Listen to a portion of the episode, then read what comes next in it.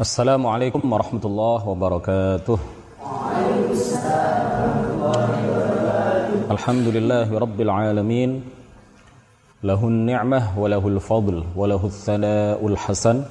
صلوات الله البر الرحيم والملائكة المقربين على سيدنا محمد طه الأمين وعلى آله وصحبه الطيبين الطاهرين. رب اشرح لي صدري ويسر لي أمري وثبتني على الإيمان. اللهم لا سهل إلا ما جعلته سهلا. وأنت يا حي يا قيوم تجعل الحزن إذا شئت سهلا. أما بعد الحمد لله ini adalah pertemuan ke-12 dari kajian kitab Matan Jauharah At-Tauhid karya Syekh Ibrahim Al-Laqani salah seorang ulama Mesir. Kita telah sampai pada bait nazam ke-20. Qala al-muallifu rahimahullahu taala wa nafa'ana bihi wa bi'ulumihi wa amaddana bi amdadihi wa afadha alaina min barakatihi amin.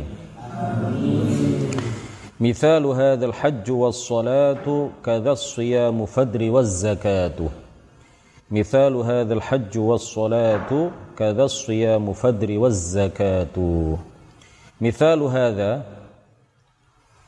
contoh dari perbuatan-perbuatan baik contoh dari amal-amal soleh yang dengannya iman akan semakin sempurna al-hajju adalah haji wassalatu dan salat Kada begitu juga asyamu puasa fadri maka ketahuilah apa yang sudah disebutkan wazzakatu dan begitu juga contoh dari amal-amal soleh yang dengannya.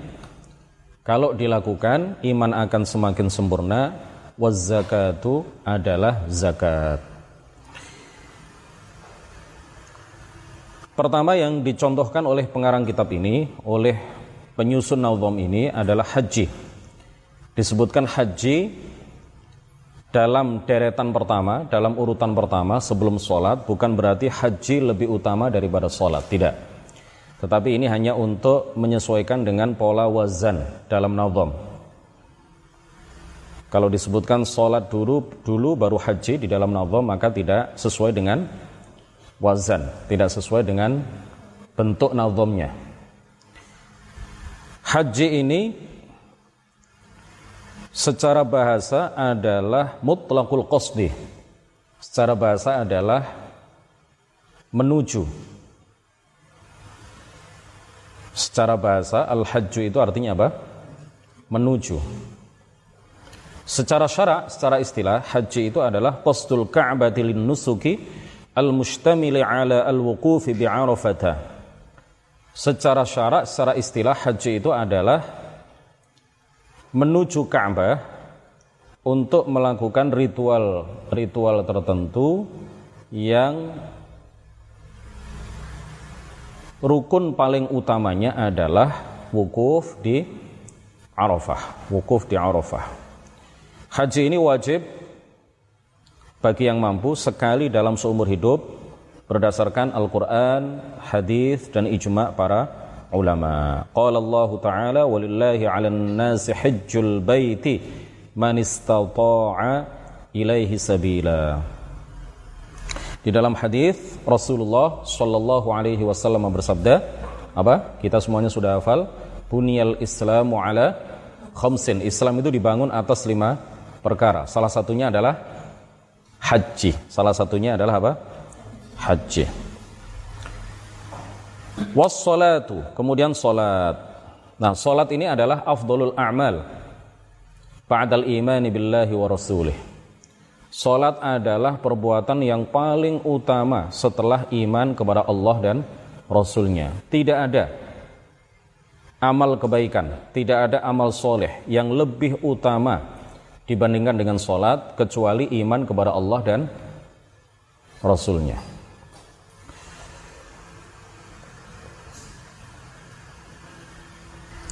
Sholat secara bahasa adalah doa mutlakon, doa. Salat itu secara bahasa artinya apa? Doa secara mutlak. Wa syara'an aqwalun wa af'alun muftatahatun bit takbiri mukhtatamatun bit taslimi bi makhsusatin. Salat secara syarat, secara istilah, sebagaimana kita tahu adalah apa? Bacaan-bacaan atau ucapan-ucapan dan perbuatan-perbuatan yang dibuka dengan takbir, yang diakhiri dengan salam, dengan syarat-syarat dan cara-cara tertentu. Salat yang wajib atas umat Islam hanya lima kali dalam sehari semalam. Selain lima ini tidak wajib kecuali apabila dinazarkan. Selain zuhur, asar, maghrib, isya, subuh, hukum melakukannya tidak wajib kecuali apabila di dinazarkan. Jadi kalau ada orang nazar sholat apa misalkan sholat tahajud. Kalau saya lulus dalam ujian maka saya akan sholat tahajud tiga malam berturut-turut. Setiap malam 12 rakaat misalkan. Setiap malam 20 rakaat. Maka hukum sholat tahajud bagi orang yang bernazar ini menjadi wa, wajib. Yang asalnya sunnah menjadi menjadi wajib. Tapi pada dasarnya sholat yang wajib atas umat Islam itu hanya li, lima. Selain lima itu tidak tidak wajib. Allah Ta'ala berfirman wa aqimus sholah wa aqimus sholah dan lakukanlah sholat selamanya, selalu ya. Kemudian di dalam beberapa hadis dinyatakan oleh baginda Rasulullah Shallallahu Alaihi Wasallam bahwa yang diwajibkan atas umat Islam itu hanya lima waktu dalam sehari semalam. Di antaranya adalah hadis bahwa baginda Rasulullah Shallallahu Alaihi Wasallam bersabda, "Faradallahu ala ummati lailatul Isra'i khamsina salatan." Allah Ta'ala memfardukan, mewajibkan atas umatku pada malam Isra, pada malam Isra dan Mi'raj, khamsina salatan, 50 waktu, 50 salat. Falam azal uraji'uhu maka saya terus menerus bolak-balik ke tempat di mana aku mendengar perintah Allah, wahyu Allah, kalam Allah wa as'aluhu takhfif dan aku memohon kepadanya keringanan hatta ja'alaha khamsan sehingga Allah menjadikan yang 50 itu menjadi 5 fi kulli yaumin wa lailatin dalam sehari semalam. Kadas siyamu, begitu juga puasa. Kadas siyamu, begitu juga puasa. Jadi orang itu semakin melakukan amal soleh, semakin banyak dia melakukan amal soleh, maka imannya semakin bertambah kuat. Nah, pengarang kitab ini, penulis nazom ini, penyusun nazom ini menyebutkan beberapa contoh. Al-ibadat al-badaniyah wal maliyah, ibadah-ibadah yang ibadah-ibadah kang bongso badan dan kang bongso uh, uh, harta, ibadah-ibadah yang berkaitan dengan badan dan harta. Yang dengannya iman akan semakin bertambah kuat. Kada begitu juga seperti apa yang sudah disebutkan asyamu puasa. Puasa itu secara bahasa apa? Al-imsak, imsak, menahan diri, menahan. Wa syara'an dan secara istilah, secara syara' Al-imsaku 'anil mufattir jami'an nahari 'ala wajhin maksus. Menahan diri untuk tidak melakukan hal-hal yang membatalkan puasa sepanjang hari mulai dari terbitnya fajar sampai terbenamnya matahari ala wajhin maksus dengan cara ter tertentu, dengan cara-cara tertentu. Puasa ini difardukan pertama kali atas setiap mukallaf di kalangan umat Nabi Muhammad sallallahu alaihi wasallam pada tahun kedua Hijriah pada bulan Sya'ban. Pada bulan Sya'ban tahun kedua kedua Hijriah. Jadi puasa yang wajib itu hanya puasa Ramadan. Selain puasa Ramadan hukumnya tidak tidak wajib, sunnah kecuali apabila dinazarkan. Kalau ada orang mengatakan misalkan saya bernazar kalau sudah ketemu jodoh, saya akan berpuasa tiga hari berturut-turut.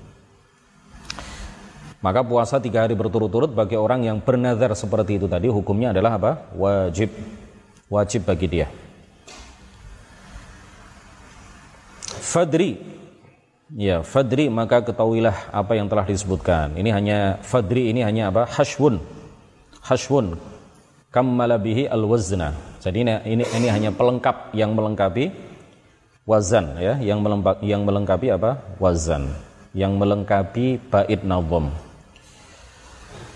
Kemudian setelah penyusun nazam ini menyebutkan beberapa ibadah yang badani ya, yang dilakukan uh, oleh badan, kemudian setelah itu Penyusun nazam ini memberikan contoh ibadah yang berkaitan dengan harta.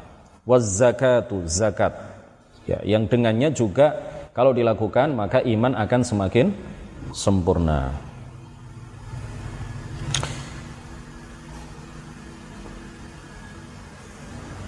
Nah, zakat ini adalah isim masdar bimakna at-tazkiyah dengan makna menyucikan secara bahasa artinya adalah apa? Menyucikan atau dhahiru wan nama'u wal madhu. Menyucikan bisa berarti juga tumbuh, berkembang, bisa berarti juga al madah.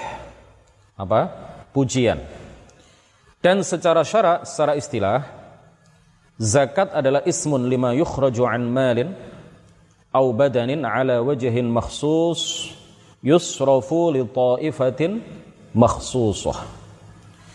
Nama zakat itu secara syarak adalah nama bagi sesuatu yang dikeluarkan untuk menyucikan harta atau badan. Kalau untuk menyucikan harta namanya zakat mal. Kalau untuk menyucikan badan namanya apa? Zakatul fitr atau zakatul fitrah. Ala wajhin makhsusin dengan cara tertentu.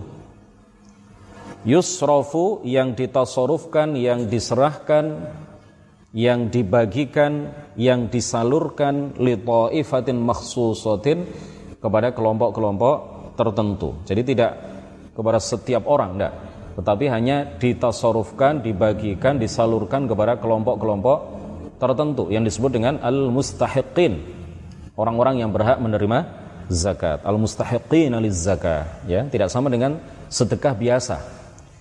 Kalau sedekah biasa itu bisa bisa ke siapa saja, bahkan kepada orang kafir sekalipun boleh, kepada orang kaya boleh, kepada orang fakir yang muslim lebih afdol.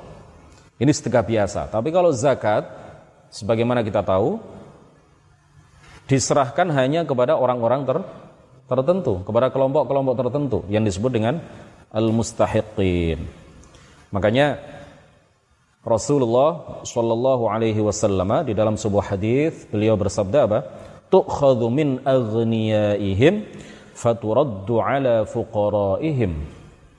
Zakat itu diambil dari orang-orang kaya di antara umat Islam dan diberikan kepada orang-orang fakir di kalangan umat Islam. Hadis riwayat Al-Bukhari dan dan Muslim. Seandainya zakat itu boleh diberikan kepada siapa pun Rasulullah tidak akan menyebutkan salah satu mustahik ya di dalam hadis itu. Ya faturaddu ala fuqaraihim. Nah ini artinya apa? Tidak setiap tidak setiap perbuatan baik ya itu berhak menerima zakat. Tidak setiap orang yang baik misalkan seorang muslim yang baik ya siapa pun dia maka dia berhak menerima zakat tidak tetapi zakat ini hanya diberikan kepada orang-orang yang maksus ya taifah maksusah hanya diberikan kepada kelompok-kelompok tertentu. Kita lanjutkan. Bait nazam ke-21. قال المؤلف رحمه الله تعالى ورجحت زيادة الإيمان بما تزيد طاعة الإنسان ونقصه بنقصها وقيل لا وقيل لا خلف كذا قد نقلا Warujjihat penyusun nazam mengatakan rahimahullah mengatakan dua bait nazam ini adalah dua, dua bait nazam terakhir sebelum kita memasuki pembahasan tentang al-ilahiyat, tentang ketuhanan. Nanti kalau terlalu panjang bisa kita lanjutkan pada minggu depan ya. Insya Allah. Kita maknai dulu. Warud jihad. Warud jihad dan diunggulkan. Warud jihad dan diunggulkan. Ziyadatul imani. Pendapat yang menyatakan bahwa iman itu bertambah. Bima tazidu ta'atul insani dengan sebab bertambahnya ketaatan seorang manusia. Wa naqsuhu dan iman itu berkurang binaqsiha dengan sebab berkurangnya ketaatan seseorang. Waqila dan menurut satu pendapat la waqila la wa naqsuhu binaqsiha waqila la wa naqsuhu binaqsiha waqila la Waqila la dan menurut satu pendapat iman itu tidak bertambah dan tidak ber, berkurang. Waqila la khulfa kadza qad nuqila. Dan menurut pendapat yang lain la khulfa, la khulfa sejatinya tidak ada perbedaan yang substantif. Tidak ada perbedaan yang hakiki. Ya, perbedaannya hanya perbedaan lafzi, perbedaan di dalam mengungkapkan pendapat saja, tetapi secara substansi dua pendapat yang disebutkan di bagian sebelumnya dari bait nazom ini itu eh, apa secara substansi tidak berbeda. Kada qad nuqila. Begitu eh, beginilah beginilah. Kada beginilah. Ya beginilah pendapat yang ketiga ini la khulfa. Tidak tidak ada perbedaan yang hakiki. Qad nukila Pendapat yang ketiga ini Qad nukila telah betul-betul dinukil dari sebagian ulama seperti Al-Imam Al-Fakhrur Razi. Nah ini keterangannya panjang ini ya. Kita baca bait nazamnya saja, insya Allah keterangannya kita sampaikan minggu depan. Mudah-mudahan sedikit apa yang kami sampaikan ini vakum agak lama ngaji Jauharut Tauhid di uh, halaman Facebook NO online ini sudah lama tidak kita laksanakan karena berbagai kendala. Alhamdulillah malam ini bisa kita mulai lagi. Mudah-mudahan Allah Subhanahu wa taala menganugerahkan istiqomah kepada kita untuk terus ngaji, terutama ngaji ilmu tauhid, ngaji ilmu akidah yang merupakan ilmu yang paling mulia, ilmu yang paling utama dan mudah-mudahan tidak ada kendala lagi tidak ada kendala teknis sehingga kita bisa ngaji dengan uh, leluasa dan istiqamah. Barakallahu fikum subhanakallahumma wa bihamdik asyhadu an la ilaha illa anta astaghfiruka wa atubu ilaik. لا إله إلا الله. اللهم صل على سيدنا محمد وعلى آله وصحبه وسلم. ربي اغفر لي ولوالدي وللمؤمنين والمؤمنات. السلام عليكم ورحمة الله وبركاته.